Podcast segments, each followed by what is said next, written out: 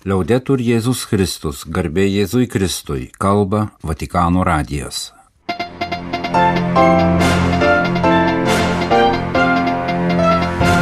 Malonus klausytojai šioje antradienio spalio 17 programoje Bažnyčia visame pasaulyje spalio 17 dieną įvairiomis iniciatyvomis atsiliepė į Jeruzalės patriarcho ir popiežiaus kvietimus šią dieną paskirti maldai ir pasninkui už taiką šventojoje žemėje. Kardinolas Pizzaballa, Jeruzalės lotynų patriarchas, Jeruzalės lotynų katedroje vadovavo švenčiausiojo sakramento adoracijai popiežiaus valstybės sekretorius apsilankė Palestinos ambasadoje. Mišiomis Vatikano bazilikoje paminėtos Šventojo Jono Pauliaus antrojo išrinkimo popiežiumi metinės. Šią progą humilyje pasakė kardinolas Čegošas Ryšas Lodzės arkivyskupas. Argentinos nacionalinė naujienų agentūra Telam paskelbė televizinį interviu su popiežiumi Pranciškumi popiežiaus liturginių apieigų kalendorius lapkričio mėnesiui.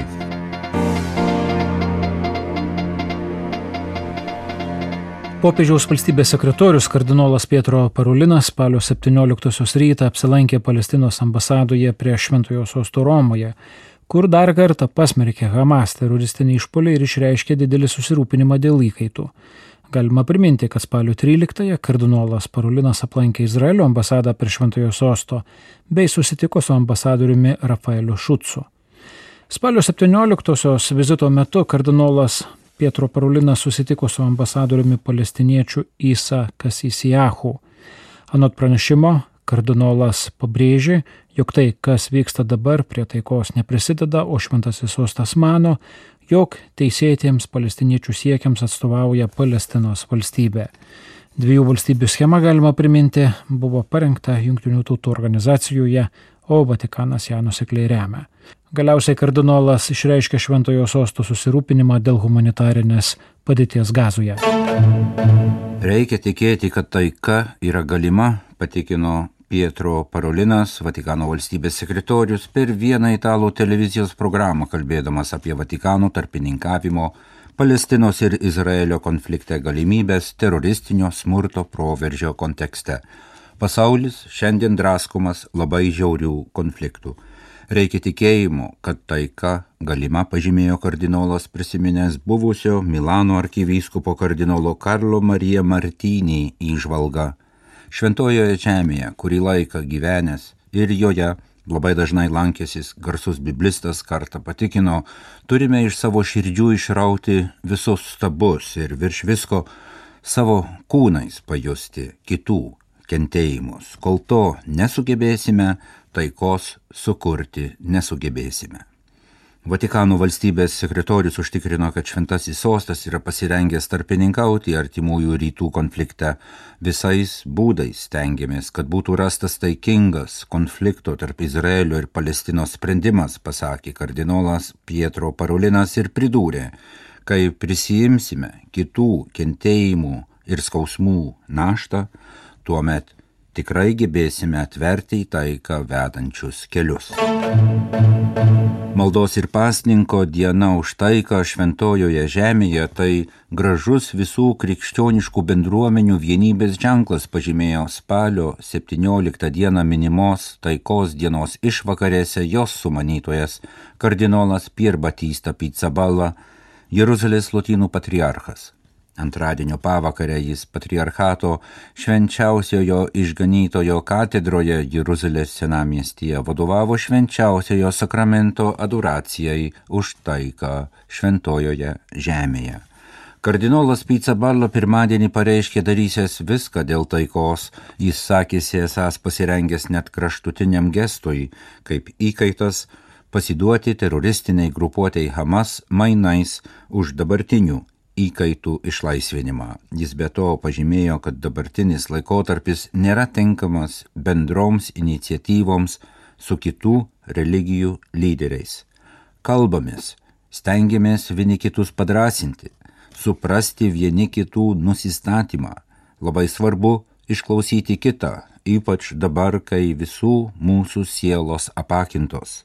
Nelengva, bet būtent tai dabar stengiuosi daryti - klausytis kitų, patikino Jeruzalės lotynų patriarchas Pier Batista Pizzaballa. Dar kartą apgailestavęs dėl grupuotės Hamas barbariškų veiksmų spalio 7 dieną, kardinolas sielojosi dėl gazos ruožo gyventojų patiriamų sunkumų, jų baimės dėl galimos Izraelio karinių pajėgų atakos ir konflikto, kuris pasak patriarcho gali išsiplėsti ir tapti regioniniu.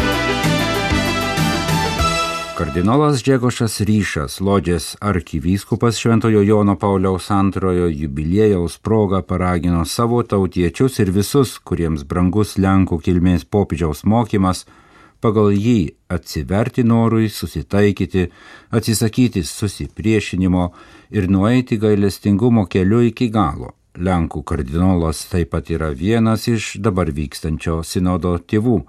Kardinolas Ryšas aukojo šventasis mišes spalio 16 dieną Vatikano bazilikoje, minint Šventojo Jono Pauliaus antrojo išrinkimo 1978 metais į Romos vyskupo ir visuotinės bažnyčios ganytojo popiežiaus sostą 45-asias metinės. Jonas Paulius II buvo gailestingumo ir susitaikymo popiežius, meilės savo priešams popiežius Popiežius, kuris atleidžia pasikesintojui į jo gyvybę ir eina jo lankyti kalėjime.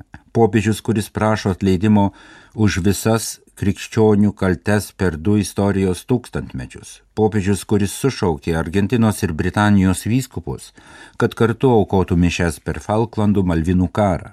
Popiežius, aplankantis Lenkiją įvedus karo padėtį. Popiežius, aplankantis Romos sinagogą.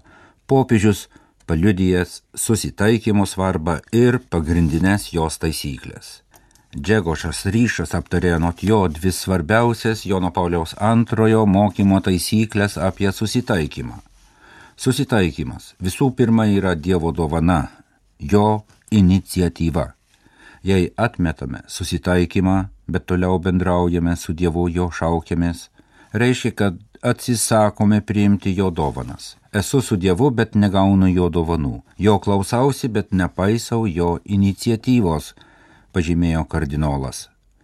Jei yra noras susitaikyti ir ryštas keisti nusistatymą, atsisakyti pasidalymų ir kivirčių, piktumo ir žeminimo, neapykantos ir polarizacijos, tada reikia atminti kitą popiežiaus Šventojo Jono Pauliaus antrojo mokymo taisyklę, jog susitaikymas negali būti mažiau gilus už pasidalymo gylį.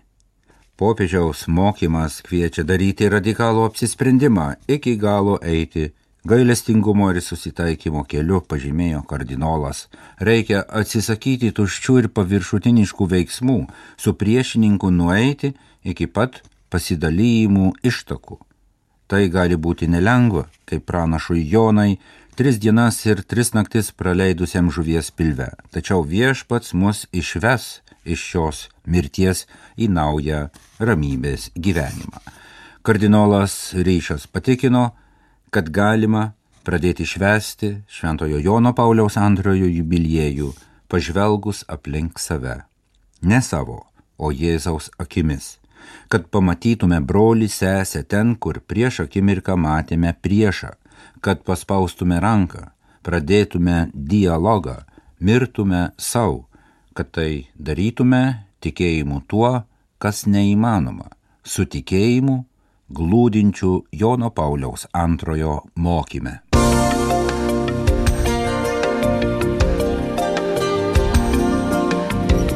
Jūs klausotės Vatikano radio žinių laidos. Tęsėme programą. Spalio 16-ąją Argentinos nacionalinė naujienų agentūra Telam paskelbė televizinį interviu su popiežiumi Pranciškumi. Interviu buvo įrašytas rugsėjo pabaigoje prieš sinodo pradžią ir reikia pridurti prieš Hamas teroristinę ataką Izraelyje. Todėl popiežiaus žodžiai šių įvykių neatspindi. Atsakydamas į klausimą apie permainas ir politinės krizės, Pranciškus pažymėjo, kad krizės yra galimybė žengti toliau, žengti aukščiau. Tačiau tik tada, kai žengiama kartu, o ne pavieniui. Jei norima išeiti pavieniui iš krizės, ji rizikuoja tapti klaidžių labirintu. Jei krizė išsprendžiama gerai, Nors tai gali būti nelengva, jie augina. Tai galioja ir asmeniui, ir šeimai, ir šaliai, ir net civilizacijai. Todėl labai svarbu jaunolius, merginas ir vaikinus mokyti spręsti krizės ir neužsidaryti savyje. Visi kažkada buvome nepatyrę jaunuoliai. Tokiame amžiuje pridūrė popiežius kartais tikimasi stebuklingų problemų sprendimų, kad ateis koks nors mesijas ir viską išspręs. Tačiau mesijas yra tik vienas, kiti tik imituoja. Nei vienas negali išspręsti problemų. Kai šalis patenka į krizę, nereikia laukti mesijo, kuris viską išspręstų, bet patiems nustatyti, kur yra konflikto pagrindas, spręsti jį kartu ir eiti pirmin. Ko trūksta žmonijai, ko turime daug. Žmonijai trūksta žmogiškumo čempionų. Kartais krizės nesuvaldome ir norime ją užglaistyti. Tačiau užglaistyta krizė tęsia Pranciškus primena pasaką apie fleitininką, kuris savo muziką užbūrė peles ir nuvilioja iki vandens, kur jos nuskesta. Kartais ir žmonės patikė, jog gali išeiti iš krizės šokdami pagal užliuliuojančią fleitos melodiją, kurią pučia iš kažkur netikėtai atsiradę gelbėtojai. Nors iš tiesų visi rizikuoja paskesti. Ne, krizę reikia priimti ir veikti, visada lipant aukščiau. Pasak Pranciškaus, reikia bijoti tokių fleitininkų, kaip ir abejingumo, kuris yra tam tikra kultūrinė apatija, prisidedantis prie užliuliavimo. Didžiosios diktatūros gimė iš tokių melodijų, sukūrusių apgaulingą iliuziją, sužadinusių laikiną užkerėjimą o vėliau telieka apgalestauti, kad nuskendome. Kita grėsmė, kurios turime saugotis, yra vienapusiškumas. Mumise visada turėtų dėrėti proto, širdies ir rankų kalbos. Mąstymas apie tai, ką jaučiame ir ką darome. Darimas to, ką mąstome ir ką jaučiame. Jei prarandame pusiausvyrą arba harmoniją tarp šių trijų kalbų, tampame vienapusiški. Dar vienas svarbus aspektas nusaikumas, savitvarda, tam tikras griežtumas savo paties atžvilgių tuo metu, kai yra siūloma tiek daug užsimiršimo būdų. Blaivus nusaikumas ypač gyjamas darbu, fiziniu ir intelektualiniu. Svarbu tai pabrėžti ir suprasti. Tinginystė yra socialinė lyga. Yra turtingų bei tingių žmonių, kurie gyvena iš kitų žmonių darbo, visai negalvodami apie bendrąjį gėrį ir prie jo neprisidėdami. Tuo tarpu darbas, leidžiantis išlaikyti save ir pasirūpinti kitais, asmeniui suteikia orumą. Todėl asmenų teisų nepaisantis, juos pavergintis, orumą atimantis išnaudojimas darbe yra viena iš sunkiausių nuodėmių. Darbas yra neatsiejamas nuo teisių ir socialinių garantijų. Jei žmogus įdarbinamas nelegaliai tam, kad nereikėtų suteikti jam jokių garantijų, toks darbas virsta vergystė. Kartais už tokią nuostatą, taip pat pabrėžta jo socialinėse enciklikose, konstatavo Pranciškus, jis sulaukė popiežiaus komunisto epiteto. Tai netiesa. Popiežius skaito Bibliją, Evangeliją, kur yra mokama pasirūpinti našle, našlaičiu ir svetim šaliu. Jei visuomenė sugeba pasirūpinti šiomis trimis situacijomis, ji veikia gerai ir panašiai sugebės pasirūpinti kitomis situacijomis. Turime būti atidus tęsintis pokalbį, sakė popiežius Pranciškus, ir pagreitinto vystimosi atžvilgiu. Tokį vystimąsi lemia skaitmeninės technologijos, dirbtinis intelektas. Kai vystimasis toks greitas, pradeda trūkti laiko, kontrolės ir koregavimo mechanizmų dėgymai, kaip ir tokio vystimosi įsisavinimai. Ir tai mus gali pavergti. Kad taip neatsitiktų, technologinė pažanga turi lydėti kultūrinė pažanga. Saugumas ir brolybė yra susiję, pabrėžė popiežius Pranciškus atsakydamas į kitus klausimus. Viena šalis negali būti saugi, jei ir kitos šalis nėra saugios. Asmo negali būti socialiai saugus, jei trūksta visapusiško visuotinio saugumo. Visapusišką saugumą galima pagrysti tik visuotinė brūlybė, visuotinė harmonija, visuotiniu susitikimu. Dialogas bus tada, kai kalbėsis ne viena, bet visos pusės.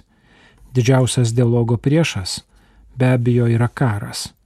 Jų niekada netrūko po antrojo pasaulinio karo, o dabar regis priartėjome prie dar vieno. Kodėl kariaujama? Viena iš karo priežasčių yra siekis išnaudoti, kita - teritorijų ir jų kontrolės gaidimas, kartais prisidengiant kultūrinėmis priežastimis. Karus taip pat sukelia diktatūros, kai kurios mums žinomos, kai kurios ne. Jei dialogas yra neįmanomas be kitų, jis taip pat neįmanomas nežinant, kas esi, nežinant savo tapatybės. Jei žinome, kas esame ir kalbame su kitu, taip pat žinančiu, kas yra, gerbdami jo teisę tokiu būti, galime eiti pirmin, ieškoti susikalbėjimo ir sugyvenimo būdų. Jei nežinome, kas esame, neturėsime nuseklumo, tik juoksimės iš visko, galbūt viską parduosime ir apie viską pameluosime. Kalbėdamas apie sinodą, popiežius Pranciškus priminame, jog interviu duotas rugsėjo pabaigoje prieš sinodo pradžią, pabrėžė, jog Vatikano antrąjį susirinkimą sušaukęs Jonas XXIII labai aiškiai jautė, bažnyčia turi keistis. Panašiai jautė jo įpidinis Paulius VI ir vėlesni popiežiai. Kalbama ne apie stiliaus pokytį, bet apie augimo pokytį. Bažnyčia turi aukti ir daugiau tarnauti žmonių rūmai. Visos teologinės kryptis ir disciplinos turi progresuoti šią linkmę. Augimas turi būti nuoseklus ir harmoningas, be atotrukio nuo šaknų. Kaip medis, kuris iškilęs aukštai virš žemės, bet maitinamas tų pačių šaknų. Taip turi vystytis ir sveika tradicija. Pokytis prasideda subręsta, vyksta joje pačioje. Ji taip pat vystosi dialoguodama su visais, primdama tai, kas iš tiesų žmogiška ir autentiška, atsižvelgdama į mokslo pažangą ir, pakartojo popiežius, bažnyčiai žinant, kas ji yra, žinant kokia jos tapatybė, nesiskolinant šios tapatybės iš kitų. Kristaus apriškimas ir bažnyčios tiesos nesikeičia, bet auga ir plečiasi, tarsi medžio lapyje. Kitos Argentinos nacionalinės naujienų agentūros telam interviu su popiežiumi Pranciškumi paliestos temos - maldos gyvenimas, sveikas humoras, kelionės, galbūt į Afriką, bei viltis. Atsakydamas į klausimus, popiežius daug pokštavo, jokavo ir atsisveikino, prašydamas melstis už jį, ne prieš jį. Popiežius lapkričio 3 dieną aukos gedolingas šventasis mišes už mirusį popiežių Benediktą XVI informavo komunikate popiežiaus liturginių apieigų vadovas vyskupas Diego Ravelli. Iškilmingas gedolingas mišes už gruodžio 31 dieną mirusi savo pirmtaką, už per pastaruosius 12 mėnesių mirusius vyskupus ir kardinolus popiežius aukos Šventojo Petro bazilikoje prie katedros altoriaus 11 val. vietos laiku su popiežiumi koncelebruos Romos kūrijos vadovai kardinolai, arkivyskupai, vyskupai ir kunigai. Vyskupo Ravelį komunikate taip pat primenama apie 30-ąjį eilinį sekmadienį lapkričio 19 dieną visoje bažnyčioje minėsimą pasaulinę vargstančiųjų dieną ir šią progą popiežiaus aukosimas mišes Vatikano bazilikoje. Kalba Vatikano radijas, laida lietuvių kalba, baigėme garbė Jėzui Kristui, liaudetur Jėzus Kristus.